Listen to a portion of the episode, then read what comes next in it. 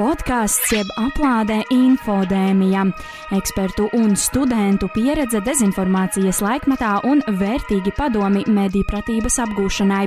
Pirmdienās pulksten piecos radio nabēterā un mūzikas straumēšanas vietnēs.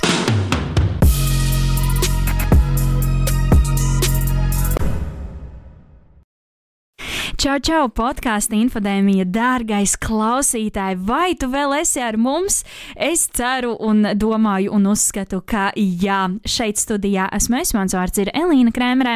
Un es esmu Laura Laķa. Un uh, mūsu skaistais duo, drīzāk jau varētu teikt arī visa infodēmijas komanda, jo mēs visi piestrādājam pie katras epizodes tapšanas ļoti, ļoti rūpīgi, esam jums sagatavojuši šodien kaut ko ļoti interesantu. Uh, esam uzaicinājuši pie mums ciemos ciemos attēlināti Lolitu Ozoliņu, kura tad arī tūlīt varēs par sevi nedaudz vairāk pastāstīt. Labdien, Lolita! Sveiciens visiem klausītājiem, sveiciens Elīna un Laura. Būtu priecīgi, protams, būt pie jums klātienē, bet es pašlaik translēju tā teikt savu ierakstu no Ziemeļvidzemes, no savām lauku mājām, tā kā esmu šeit tādā lauku birojā. Un jā, sveiciens visiem, būšu, būšu priecīgi atbildēt uz visiem jautājumiem, izklaidēt tuvāko minūšu laikā. Varbūt jūs varat pat pastāstīt mazliet par uh, savu nodarbošanos. Jā, um, kopš es sevi patiesībā atceros, man vienmēr ir saistījusi komunikācija un reklāma, un, un te jau 20 gadus, pat varbūt rastīt, jau darbojos mārketinga komunikācijas jomā, un savā profesionālajā dzīvē es ļoti, teikt, daudz un dikti nodarbojos ar zīmolu vedību izstrādājot gan zīmolus, gan arī pārzīmolojot, un, gan tos pārzīmolojot, un tai pašā laikā arī nu, attīstot un radot dažādas teiksim, situācijas, kuras palīdzētu organizācijām, uzņēmējiem, mairažotājiem, jebkuram patiesībā, kas strādā ar savu zīmolu vai kuram ir kāds zīmols, lai šis zīmols kļūtu veiksmīgāks.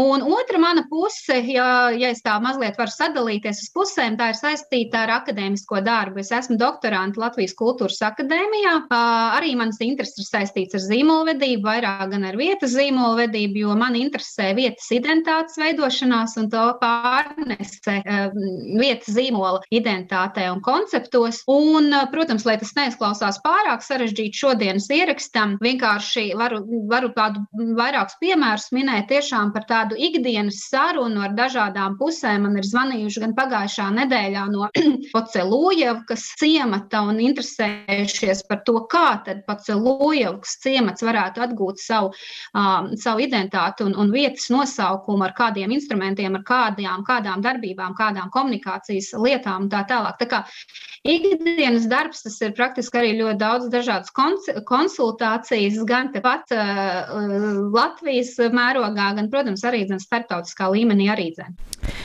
Varbūt jūs varat eh, mums, nu, droši vien pilnā veidā nesanāks, bet ieskicēt, ko šis uh, krīzes brīdis, ja tā var teikt, globālajā informācijas telpā, gan dezinformācijas, gan, gan viltus ziņas uh, kontekstā, nozīmē zīmolvedībā un ko tas nozīmē jums tieši. Mm -hmm. Um, jā, nu krīzes komunikācija pati par sevi izklausās kā tāds bubulis visticamāk, jo es arī parasti saviem, gan saviem klientiem, gan arī savā darbā mm, no tādas krīzes situācijas ļoti, nu, tā teikt, baidos. Un tieši pamatot baidos. Tamdēļ, ka vienmēr stabilitāte un, un drošība par sevi zināmā mērā, nu, ka tu vari pastāvēt uz savām vērtībām, ka tu vari būt pārliecināts par to, ko tu komunicē un, un tā teikt, būvēt veiksmīgi savu reputāciju situācija.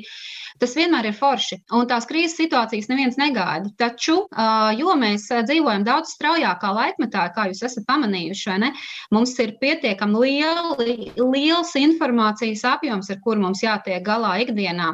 Informācijas tehnoloģijas ir mainījušās.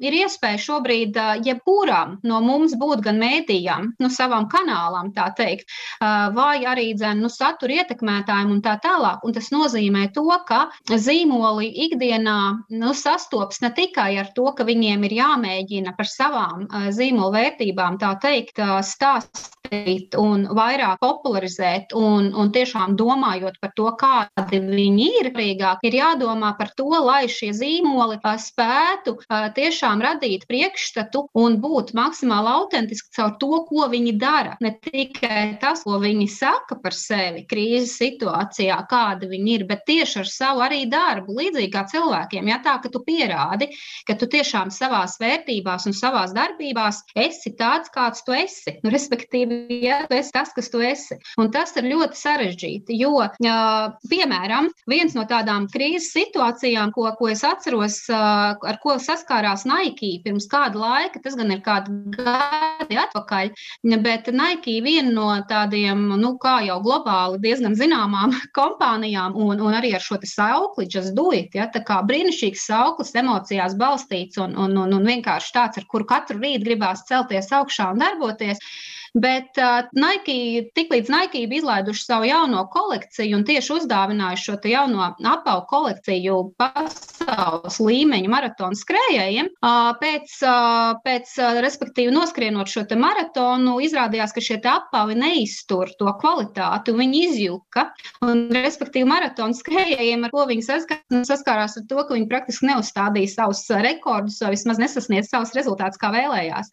Un, un šis bija diezgan tāds nu, nozīmīgs pliķis eh, zīmola, nu, var teikt, eh, sejā.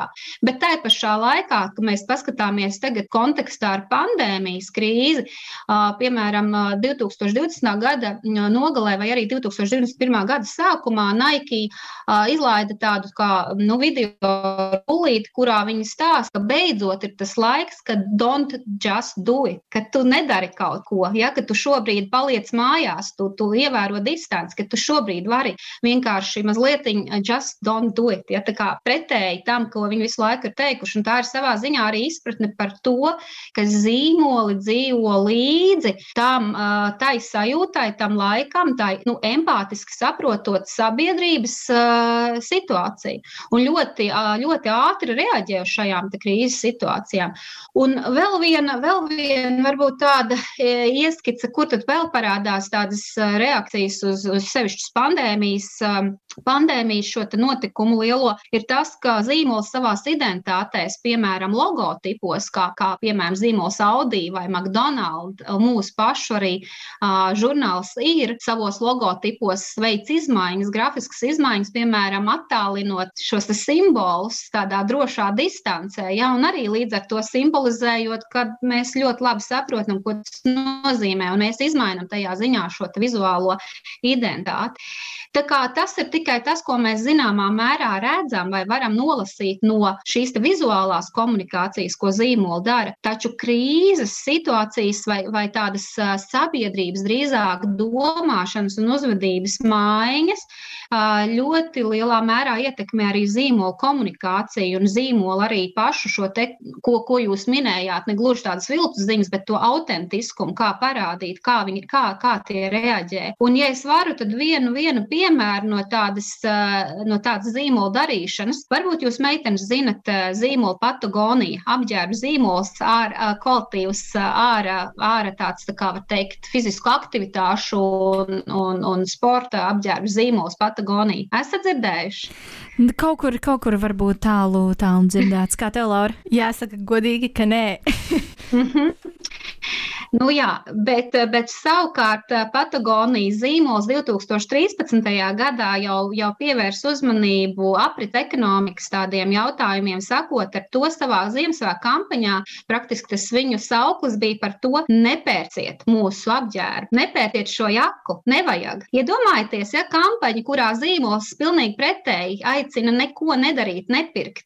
Tas, uz ko, protams, zīmols eh, aicināja, bija labot apģērbu, rūpīgi ap, ja, izturēties pret apģērbu, lai nekaitētu vides, tā teikt, aps, aspektiem un, un, un, un, un um, nu, kopējai, teikt, ekosistēmai. Te pašā laikā mēs redzam, ka Patagonijas vērtības ir par, zīmola vērtības ir par to, ka šis zīmols ir ārkārtīgi kvalitīvs, ilgtspējīgs un tā tālāk. Līdz ar to viņi var to atļauties darīt. Bet, bet kopumā tas bija diezgan liels šoks, ja, ja parādās reklāmas, kurās ir don't buy this jacket, ja tev nevajag šo jaku.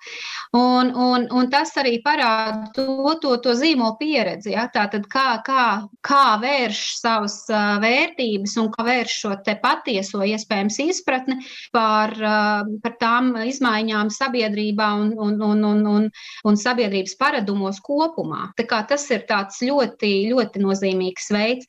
Bet vēl, Laurija, mazliet es drīkstu pateikt arī par to pašu krīzes komunikācijas lietām, tad uh, gribētos vēl pateikt to, ka uh, zīmola vedība ir ārkārtīgi attīstījusies, un šobrīd nu, tas kopumā teikt attīstījusies, nu, patiesībā nozīmē pateikt neko, bet tomēr ir ienākuši tādi jauni, praktiski pozicionējumi veidi, ko, ko zīmola var izmantot šo te, var teikt, ne tikai cīņā ar krīzes situācijām, bet arī kā būt daudz patiesākiem, būt daudz īstākiem, un tie veidi ir tādi, ka, piemēram, zīmols var kļūt par tādu narratīvu zīmolu stāstnieku, kurš pēc būtības ievelk savu auditoriju ļoti iesaistošā veidā, iesaista savos stāstos. Un varbūt viens no tādiem piemēriem, ko varbūt jūs būsiet gan redzējuši, bija Burger King, šis tā, sapūšais burgers. Redzējāt tādu, kurā trīs dienu laikā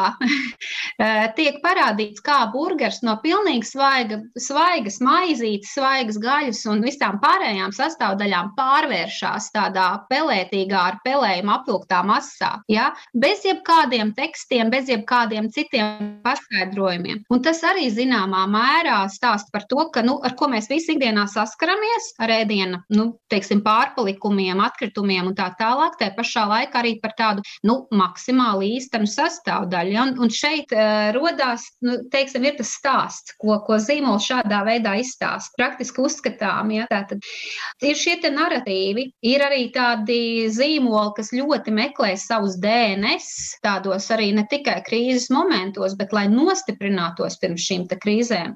Un meklējot šos DNS, tas tā atgriezties pie savām saknēm un ir tāda primārā koda zīmoli, ka tuvu reliģiskiem, uh, pilnīgi tādiem stāstiem, kur, kur nāk savi manifesti, ir savi evaņģēlisti un tā tālāk, kas, kas par šiem zīmoliem ārkārtīgi spēcīgi runā, stāsta uh, pilnīgi tādām reliģiskām, varbūt pat uh, fanātiskiem, uh, fanātiskiem tekstiem. Nu tā, tā kā ir dažādi šie te, jā, šie te pavērsieni, kā zīmolvedība tiek galā ar šīm krīzes situācijām, pat pirms tām krīzes situācijām gatavojoties vai gatavojot zīmolus uz tādām praktiski ilgtspējīgām vērtību komunikācijas uh, lietām. Es varbūt labprāt precizētu vēl uh, vienu lietu, vai šī jūsu minētā uh, zīmolu stāstniecība un, un, un par narratīviem, ko jūs minējāt, vai tas ir arī veids, uh, kā zīmoli mēģina varbūt cīnīties un, un iestāties pret to, ka, ka sabiedrība kopumā mazāk uzticas saturam kā tādam. Jo es domāju, ka ir jau samazinājies vispār tas um, nu jā, kopējai, kopējais uzticības līmenis tam, ko mēs lasām un redzam, vienalga, vai tas nāk no, no og žurnālistiskiem materiāliem vai arī no, no reklāmām. Un, vai tās jūsu stāstītās pieejas un, un tehnikas varētu arī pret šo strādāt? Mm, jā, jā, viennozīmīgi piekritīšu. Protams, no vienas puses tā zīmolu narratīvu vai stāstniecības būšana ir pietiekami slīpēta lieta, jo tas nenotiek tāpat, kad mēs izdomājam, o, brīnišķīgs stāsts un viss notiek. Tas tāpat ir bāzēts zīmola, zīmola pamatos, gan identitātē, kur ir jāpār komunikācijas tonis, valoda un tā tālāk. Visi šie pamati, lai, lai tad varētu tā teikt, atbilstīgi šīm vērtībām, šai identitātei rast šos stāstus, kas ir pirmkārt jā, saistīti ar, ar šo identitāti, un otrkārt aktuāli sabiedrībai, aktuāli tajā, tai dienas kārtībai. Bet, bet tiešām ir nu, tādā ziņā ir, ir vairāk tie paņēmieni, kā šos stāstus izstāstīt. Un, un manuprāt, ka viena no tādiem veiksmīgākiem ir tā, tādi stāsti, kuros zīmoli ļauj pašam skatītājam, vai, vai nu, negribās saukt patērētājam, bet nu, tomēr, ja tam, tam patērētājam nonāk tādā viens pret viens pieredzē ar zīmoliem. Un, un šādas pieredzes uh, ir piemēram sociāli eksperimenti, uh, piemēram, Heineken alus, uh, šis viens no tādiem, manuprāt, spilgtiem, arī diezgan pretrunīgi mēdījos vērtētiem sociāliem eksperimentiem, kur Heinekens aicina kopā četrus dažādus cilvēkus, atšķirīgus cilvēkus, un, un tad, nu tā teikt, eksperimenta kontekstā vai, vai veicot šo eksperimentu, šos cilvēkus satuvina. Nu, tā viņi pilnīgi ar pretējiem viedokļiem, viens ir, piemēram, ļoti spēcīgs feminists, feministiskās virzības pārstāvs, otrs ir, piemēram, ļoti pret ekoloģijā, jo visiem pārējiem vidas aizsardzības jautājumiem un uzskata, ka tas ir, es atvainojos, bullshits un tā tālāk. Un tad šos cilvēkus tā kā tādā ziņā testējot, ja, izprotot un tā tālāk viņus satuvina. Un tādā veidā skatītājs var pats tajā nu, triju, piecu minūšu laikā ļoti īsā, kompaktā veidā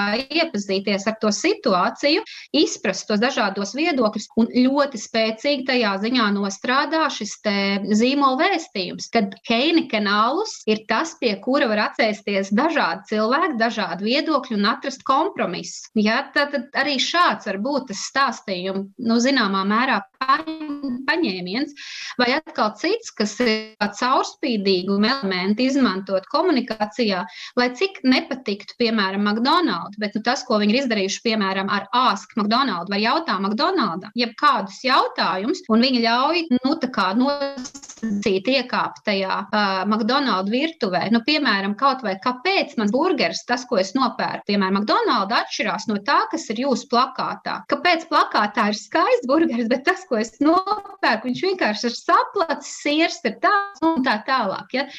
Nu, kāpēc tas tā ir? Un tad caur tādu video stāstu, kur tiek nopirkts tas burgeris, aiziet uz studiju, pārskatīt, iz, iz, iz, izķidāt un, un sniegt atbildi. Ja tā kā zīmoli iegulda to savu laiku, enerģiju, idejas tajā, lai tiešām izstāstītu, kāpēc tas ir tā. Un tas ir ļoti liels tāds, teiksim, tās liels pārmaiņas, kas ir notikušas no 50. gadiem vai 70. kad mēs runājam par patērētāju kultūru un tādu vienvirzienu masveida rulli, kurš brauc pāri un teica, jums jābūt tādiem un tādiem no zīmola puses. Tagad pēc būtības zīmoliem ir jābūt kā, nu, kā advokātiem savām vērtībām, ja saviem arī šiem stāstiem, savai identitātei. Ja viņš saka, ka viņš ir tāds un tāds, tad lūdzu, kur ir tie pierādījumi? Un tas ir zināmā mērā arī tāds nu, zina, konkurētspējas jautājums. Ja, jo jo nu, tagad arī tiešām skatījos arī pēdējie pētījumi par, par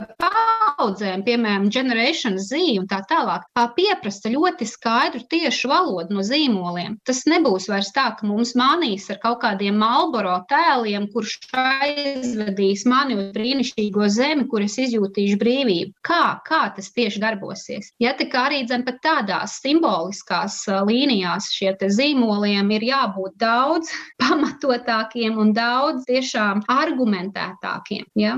Nu tā, es ceru, ka es atbildēju uz tev jautājumu, jo, jo pie šīm zīmola komunikācijas lietām ir tik daudz vēl ko stāstīt, jo ir līdzdalība, ir do it yourself, ir atbildības un reputācijas jautājumi, personības šie aspekti.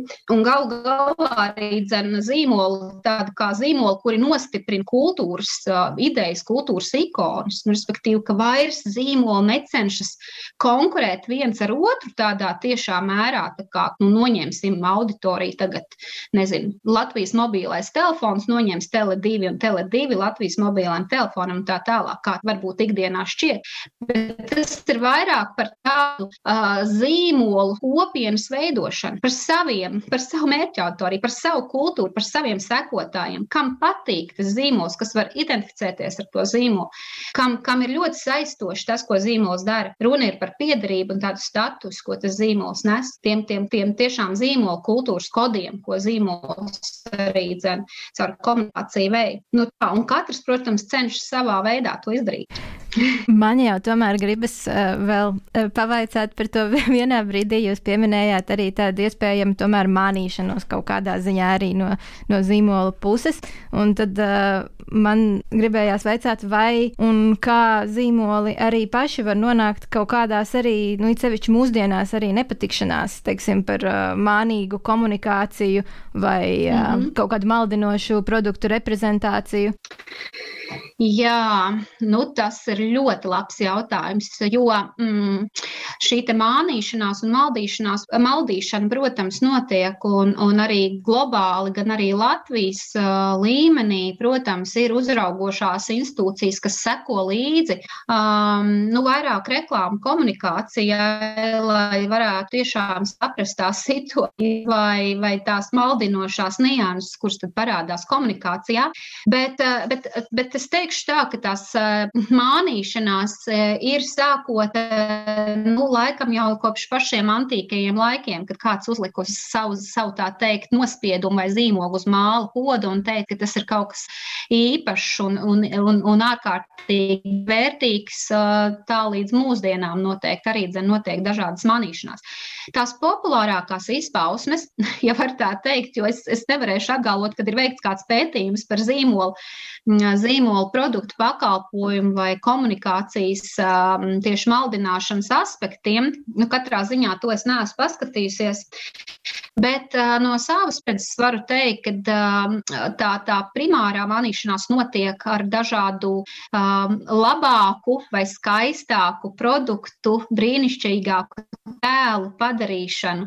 Nu, respektīvi, ja mēs gribam pārdot kosmētikas produktu, tad, uh, nu, kā jau jūs zinat, sejas tēliem var likt dažādus režģus un pierādīt, ka tur ir ķīmiskas dažādas komponentes, kas iedarbojas un tik un tik laikā kā tas viss vērsīsies par brīnišķīgu ādu vai garāks skropsts un tā tālāk. Un tas viss ir grafiskiem uh, elementiem panākams un izdarāms, diemžēl. Un, un, un, uh, un lai, arī, lai arī kā, bet nu, mēs tomēr mēs netik daudz pērkam to produktu, kā jūs zinat, bet ko mēs pērkam, tās sajūtas un to rezultātu, ko tas produkts mums dod. Līdz ar to tas strādā.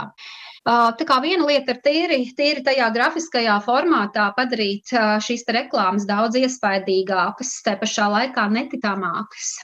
Cita lieta, ko zīmola arī dara, un, un tas varbūt ir arī tāds paņēmiens, ko, mm, par ko tiek sodīti, bet tas sots varbūt nav tik liels vai nu, tik draudīgs pret to, kāda, kāda varētu būt virāla vai, vai mutvārdu ietekme. Nu, respektīvi, zīmola ir gatava iet uz uz, piemēram, samaksāšanu vai arī patikt aizliegti, aizliegts reklāmas komunikācijas tā vietā, lai parādītu, piemēram, ārkārtīgi spilgts idejas un, un, un tā tālāk. Un šie te maldināšanas varbūt vai tāda mānīšanās aspekti parasti ir saistīti ar konkurēt, konkurences pārkāpumiem, ka zīmols jau piedāvā tādas ļoti iespējams pārspīlētas īpašības vai ārkārtīgi spēcīgas idejas, kas ir saistītas ar kaut kādiem kādām iespējams jomām, kas ir politiski sensitīvas vai, vai arī es, nu, teiksim, ētiski nepieņemamas sabiedrībā un tā tālāk. Tā kā, nu, tas varētu būt,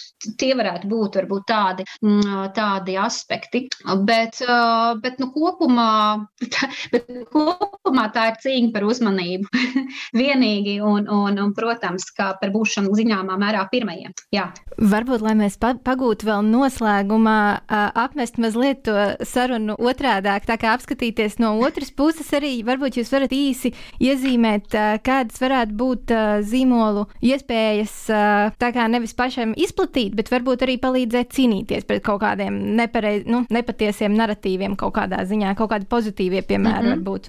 Jā, nu es varētu gan vienu pastāstīt. Patiesībā pat varbūt trīs, divus īsus un vienu garāku, bet es ceru, ka es nepārkāpšu jūsu laiku un tūlīt jau jūs man te metīsiet ar roku vai ar akmeni. Labi, mums, mēs mums esam attāli. Labi, ka mēs esam attāli. Mums vēl ir dažas minūtes, jā, tā kā, tā kā var, var, var, var vēl paspēt. Jā, uh, Super. Bet jā, tie piemēri ir, ir tiešām, manuprāt, daži, kas man ļoti, ļoti patīk. Piemēram, Lielbritānijas kosmētikas zīmols Lašs, dūrināms, ārkārtīgi krāsains, ārkārtīgi smaržīgs un tā tālāk, vai ne? Bet pirms kāda laika Lašs bija uzlicis praktiski visām savām mājaslapām, e-veikaliem un tā tālāk saistībā ar zemes dienu, tādu tā kā landing lapu, kurā viņi bija pateikuši, ka mēs respektējam šo dienu un mēs esam slēguši visus savus tirzniecības sadarbības kanālus, mēs neesam pie, pieņemami un lūdzam arī jūs to darīt. Iedomājieties, ko tas nozīmē globālam biznesam, ja noslēgt šādu te. Bet, manuprāt, tā ir vienkārši ārkārtīgi apsveicama rīcība un, un, un, un, un brīnišķīgs piemērs. Vai, piemēram, Vogue žurnāli, uh, Vogue žurnāli 2020. gada sākumā, ja nemaldos, janvāra numuros, uh, bija atteikušies no glancētiem vākiem un, un, un fotografijām, fotosesijām. Tā vietā viņi bija izlikuši saviem vākiem, ja es nemaldos, itāļu mākslinieku ilustrācijas. Un tādā veidā atkal žurnāla zīmols vai žurnāls pats bija stāstījis par to, ka mēs esam par ilgtspējīgu attīstību. Mēs tiešām arī cenšamies savā darbībā vairāk, teiksim, ievērot dažādus vidas aizsardzības apstākļus un tā tālāk. Tādēļ mēs vēršamies tajās, nu, teiksim, pēc, pēc ilustrācijām un tādā veidā popularizējam mākslu, nevis veidojam šīs fotosesijas, globālas fotosesijas, meklējam cilvēkus un tā tālāk. Ja. Te, un, bet viens, viens, manuprāt, kas ir tiešām vērts, ko es varētu nosaukt, tas ir Greenpeace 2014, 16, atvainojiet, nepateikšu konkrētu laiku, nu jau, bet Greenpeace brīnišķīga kampaņa, kas vērsās patiesībā pret Lego un Shell, kas, un te, šī te kampaņa saucās Everything is not awesome, nu tā kā nekas nav brīnišķīgi, pēc Lego filmas iznākšanas. Un, Un, un tas, ko Greenpeace kam vērs uzmanību, to, ka Ziemeļpolā tiek ārkārtīgi iznīcināti visi dabiskie resursi. Pateicoties vai par, par šo naftas urbumu, nu, tādu var teikt, darbināšanu. Un šī nafta kā, kā produkts tiek izmantots arī rotaļlietu LEGO šajās te, nu, rotaļlietu gabaliņu izgatavošanā un tā tālāk. Un praktiski tā bija tik milzīga, ārkārtīgi spēcīga kampaņa, kuras rezultātā, jā, LEGO gan atvainoja, vienojās, gan arī dzen, centās maksimāli nu, savās vērtībās, eh, ja var tā teikt, pārskatīt savu attieksmi pret dabas jautājumiem un tā tālāk. Tā kā tas bija tāds praktiesībā brīnišķīgs eh, nu, sauk, uzsaukums visai pasaulē skatīties, kādā patērēšanas kultūrā mēs dzīvojam, ka iespējams tajā, kad LEGO stāsta, cik viņi ir fantastiski un uz fantāzijas izglītoš, izglītošanā vērsts, par to nav šaubu, bet tomēr kas ir tās pamatvērtības, vai ne? Kas ir tas, kā, kā, kā, kā mums vajadzētu dzīvot. Nu, lūk, un, un um, jā, es ceru, ka ar šiem piemēriem varbūt arī zināmā mērā varēju atspēkot dažus pozitīvus gadījumus. uh, gadījumi tiešām izklausījās, uh, izklausījās ļoti, uh, ļoti labi, un manuprāt, arī tā spilgti ne tikai man un Laurai, bet arī visiem citiem klausītājiem varēja ieskicēt un tiešām arī vairāk parādīt uh, šo te visu dezinformāciju zīmola vedības lauciņā. Starp citu, jā, es pati arī nodarbojos ar sportu un uh, nesakoju gan ļoti, uh, ļoti līdzi uh, zīmolam Nike, bet par šo te incidentu, ka bija kurpes saplīsušas, es pat īstenībā nemaz nebiju dzirdējusi. Es biju, man liekas, dzirdējusi tikai to pozitīvo, kad Eliots Kipčogē noskrēja zem, ja nemaldos, divām stundām maratonu, un viņam kājās bija Nike apavi. Tā kā, tā kā jā, bet, bet tās, ir, tās ir drīzāk tādas pozitīvas ziņas, varbūt es pati arī esmu vainīga, ka es nepievēršu uzmanību negācijām, bet tas nekas viss uh, kārtībā. Uh, es un Laura teiksim ļoti lielu jums paldies, uh, Lolita, par uh, šiem te piemēriem un, uh, un, un, un, manuprāt, tiešām ļoti uh, spilgti, uh, spilgti un labu, uh, uh, gribās teikt, ieskicēšanu, bet mēs šodien vārdu ieskicēšanu esam tik daudz reizes, Laura, teikuši par, par ie, ievedīšanu, ievadīšanu, teiksim tā.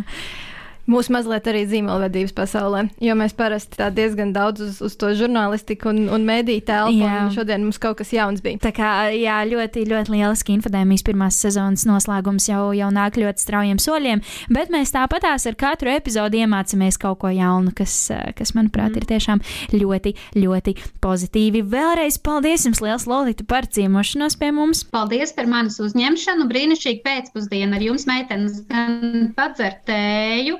Uh, nezinu, kāda zīmola, neatzīšos, bet uh, katrā ziņā gan tējot, gan arī padaloties ar informāciju, man bija brīnišķīgs šis laiks. Un es teiktu, ka noteikti šeit lai skadra, bet nu, tas, lai paliek intrigai. tas, tas, lai paliek, paliek visiem klausītājiem intrigai. Paldies jums visiem par podkāstu infodēmijas epizodes ar ciparu 27 klausīšanos. Mums ir palikušas vien tikai dažas, un tad 30. epizodē pārsteigums visiem klausītājiem no infodēmijas komandas. Bet par to, par to tad pēc uh, trim, uh, nu jau divām, trim, divām, trim, tomēr trim nedēļām ar jums šodien kopā bija Laura. Un arī es, mans vārds ir Elīna, un tad jau tiekamies nākamā nedēļa, nākamā pirmdiena, Radio Nabēterā vai arī uh, Spotify mūzikas straumēšanas vietnē. Tā! Podkāsts jeb aplādē infodēmija, ekspertu un studentu pieredze dezinformācijas laikmatā un vērtīgi padomi mediju pratības apgūšanai. Pirmdienās pulksten piecos radio nabēterā un mūzikas straumēšanas vietnēs.